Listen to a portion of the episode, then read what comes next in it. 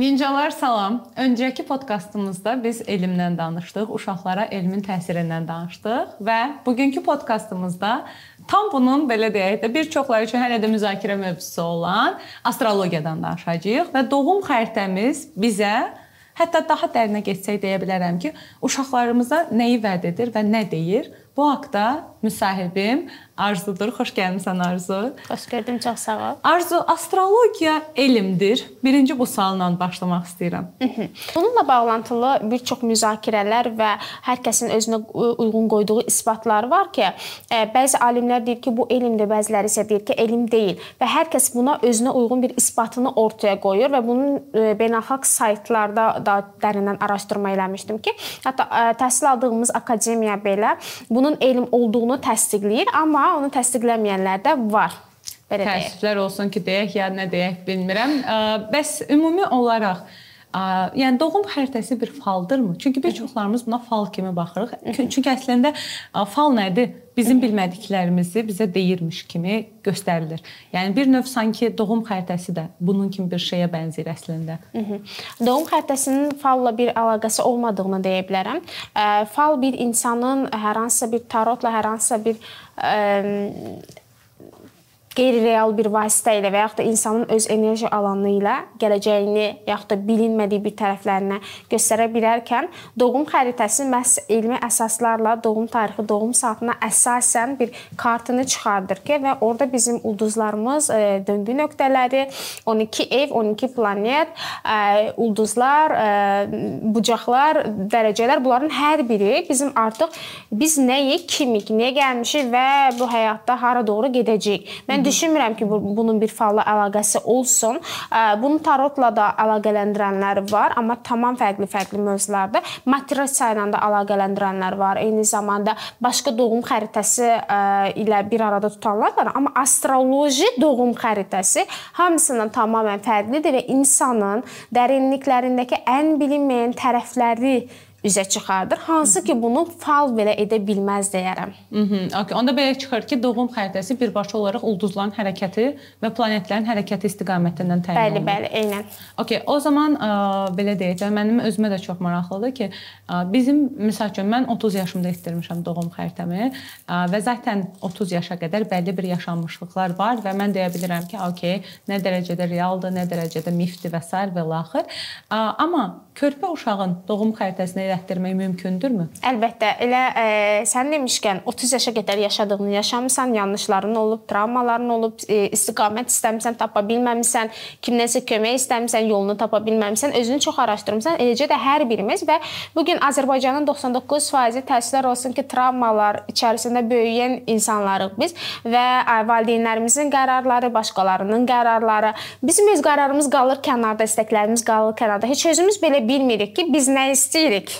Bəzən 30 yaşımıza çatanda bəlli olur ki, mən nə istəyirəmmiş. Əslində 30 ildir istədiyim şeylər yanlış imiş tamamilə.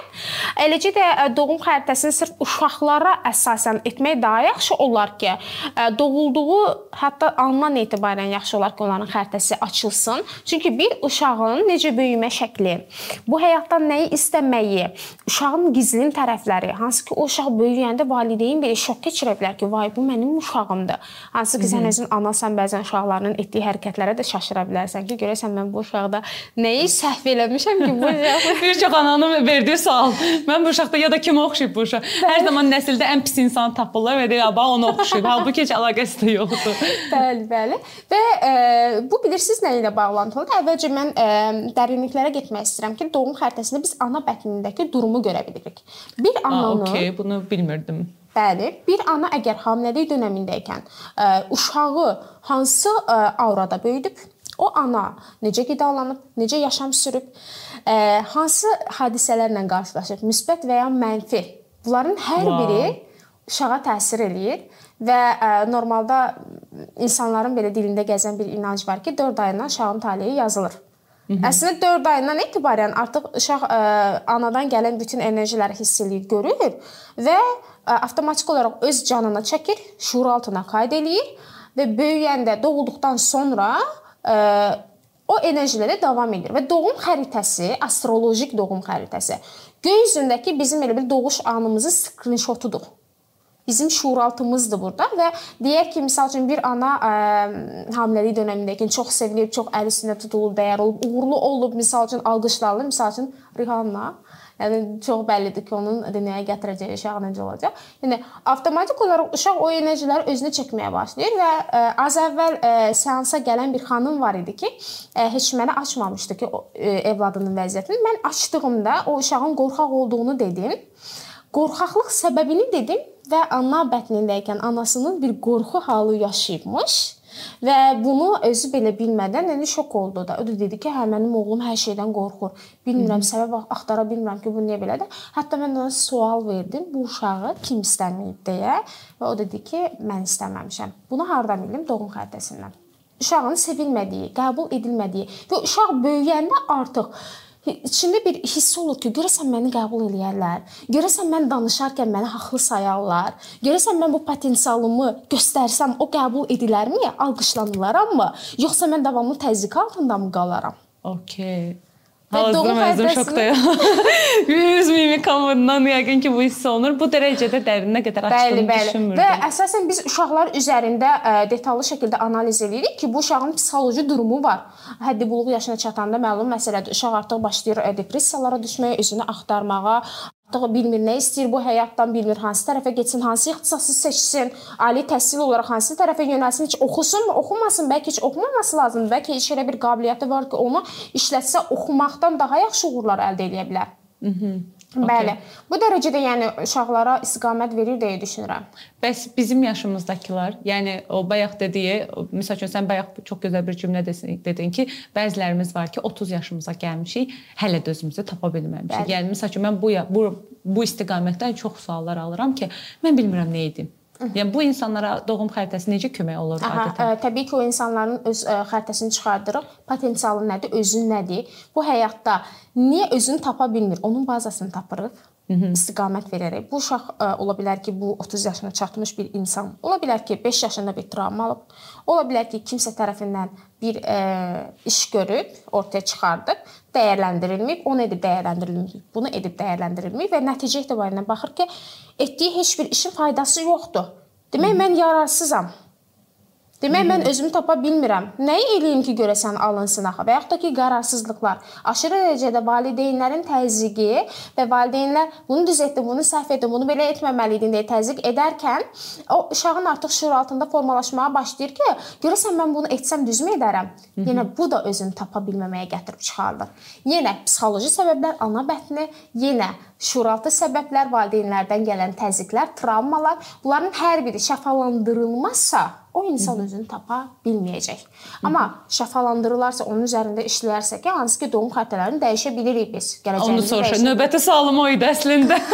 ki, bəs doğum xəritəmizdə bizə görünənləri biz əslində dəyişə bilirikmi və bu necə baş verir və bunun da dəstəkləyici sualı əslində o idi ki, bu əslində mövcud olana, var olana zidd getmək deyilmi? Bəli. Ən birinci sual vermişdin ki, falla bir əlaqəsi varmı? Falın belə bir tərəfi var ki, bu dəyişməyəcək. Amma astrologiyanın belə bir tərəfi var. İstəsən dəyişə bilərsən.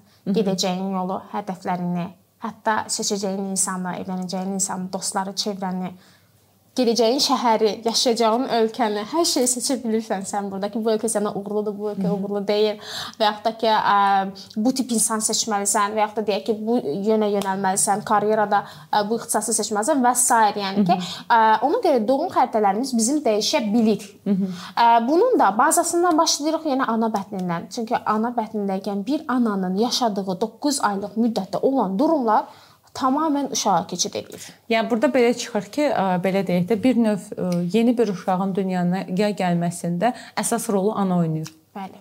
99%. Yəni nə mənada deyirəm? Okay, zaten mən bilirəm ki, o istiqamətə əsas olan psixoloji baxımdan Eynən. da, həyati baxımından Eynən. da, karyera, xoşbəxtlik baxımından da, bir insanın özünü həyatda tapması baxımından da, hər baxımından da ananın rolu böyükdür. Ona görə də yaxşı olar ki, ə, əgər hamiləliyə hazırlaşan xanımlarımız varsa, onlar birinci özlərinin travmalarını şuraltı şəfalandırsınlar, ondan sonra hamiləlik düşünsünlər. Və bəylərimiz də diqqət etsinlər ki, ə, Xanıma dediyi hər söz e, ona təsir edir və uşağın şuuraltına gedir. Əgər bir ata anaya davamlı təzyiq edirsə, o uşaq avtomatik olaraq şuuraltında mən bacarıqsızam, mən özümü göstərə bilmərəm. Yaxşısı susum. Mənə heç kəs heç nə deməsin. Onsuz da təzyiq eləyəcəklər. Bu şuur altını qavrayır və o böyüyəndə özünü tapa bilmir. Mən nə edeyim axı? Görəsən mən nə eləsəm bacararam. Bunu eləyirəm, əlimə alıram, bacarmıram. Bunu eləyirəm, bacarmıram. Və yaxud da ki, deyək ki, bir insan hər şeyi bacarır. Hər şeydə yaxşı. Hər şey şünas. Bəli. Bizə ə, belə deyək də uşaqlıqdan ötürülən daha doğrusu bir çox stereotiplərdən biri də əslində budur ki, insan hər şey şünas olmaz. Bir sahəni tut, orada da qal. Bəs bu insan, bu uşaq hər şey bacarırsa və yaxud da ki, hər şey etmək istəyirsə, hər şeyə marağı varsa necə etməlidir? Ə, indi ola bilər ki, bir insan bir çox şeydə özünü tapır. Bu artıq onda ə, psixoloji daxiliyə gətirib çıxardır və dəliliyə gətirib çıxardır. Biz artıq onlara xüsusi terapiyalara yönəltməliyik biz ona.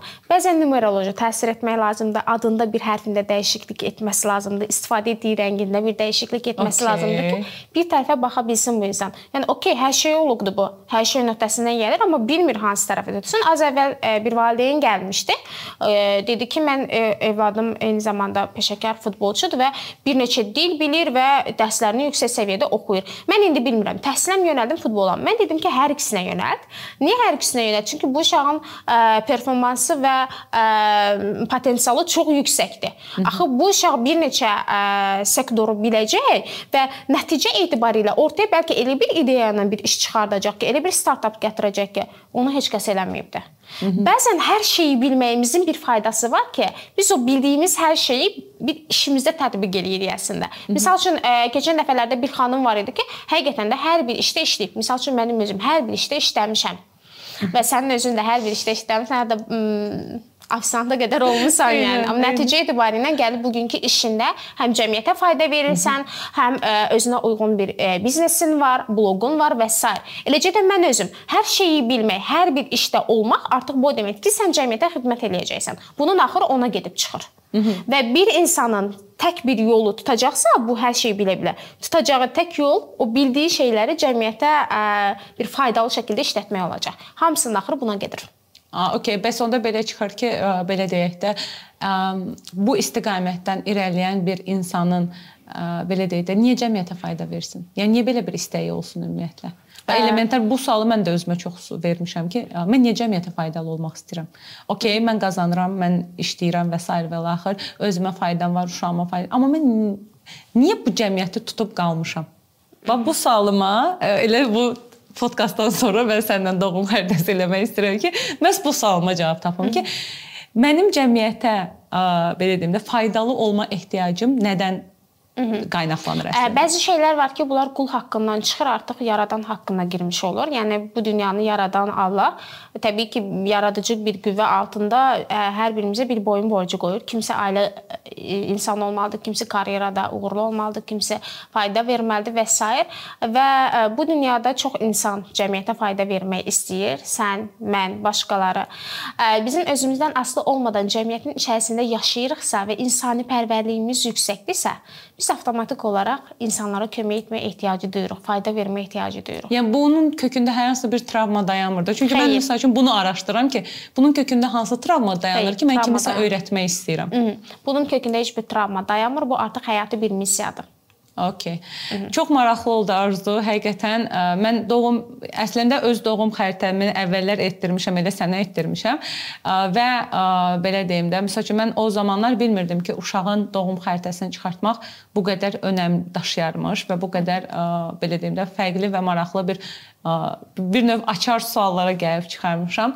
Ümid edirəm ki, bu podkastı izləyənlər də ə, hazırki bizim müzakirələrdən Əminəm ki, mən belə sən danışanda bir çox yerlərdə dedim ki, "A, okey, bunu mən sınayacağam, bunu yoxlayacağam, bu belədir, bu elədir." Ümid edirəm ki, podkast sizin üçün də çox maraqlı oldu. Son olaraq sənin son sözünü alım və podkastı yekunlaşdıraq. Onu demək istəyirəm ki, astrologiya mənə görə bir elmdir, bir çoxlarına görə bir elmdir və ə, düşünürəm ki, hər kəs öz doğum xəritəsini çıxartdırmalıdır, həyatı yolunu tapmalıdır. Çox Xüsusən də evladlarımız Eynən, çox təşəkkür edirəm Arzu. Belə ninjalar, əgər sizin bu istiqamətdə hər hansı bir sualınız varsa, rəy bölməsində yazmağı unutmayın. Maksimal dərəcədə çalışacağıq ki, onları cavablandıraq. Növbəti qonağımızla bağlı hər hansı bir təklifiniz varsa da mənə mütləq şəkildə bildirin. Təşəkkür edirəm bu dəqiqəyə qədər izlədiyiniz üçün. Kanalıma abunə olmağı və bu videonu bəyənməyi də unutmayın. Hələlik.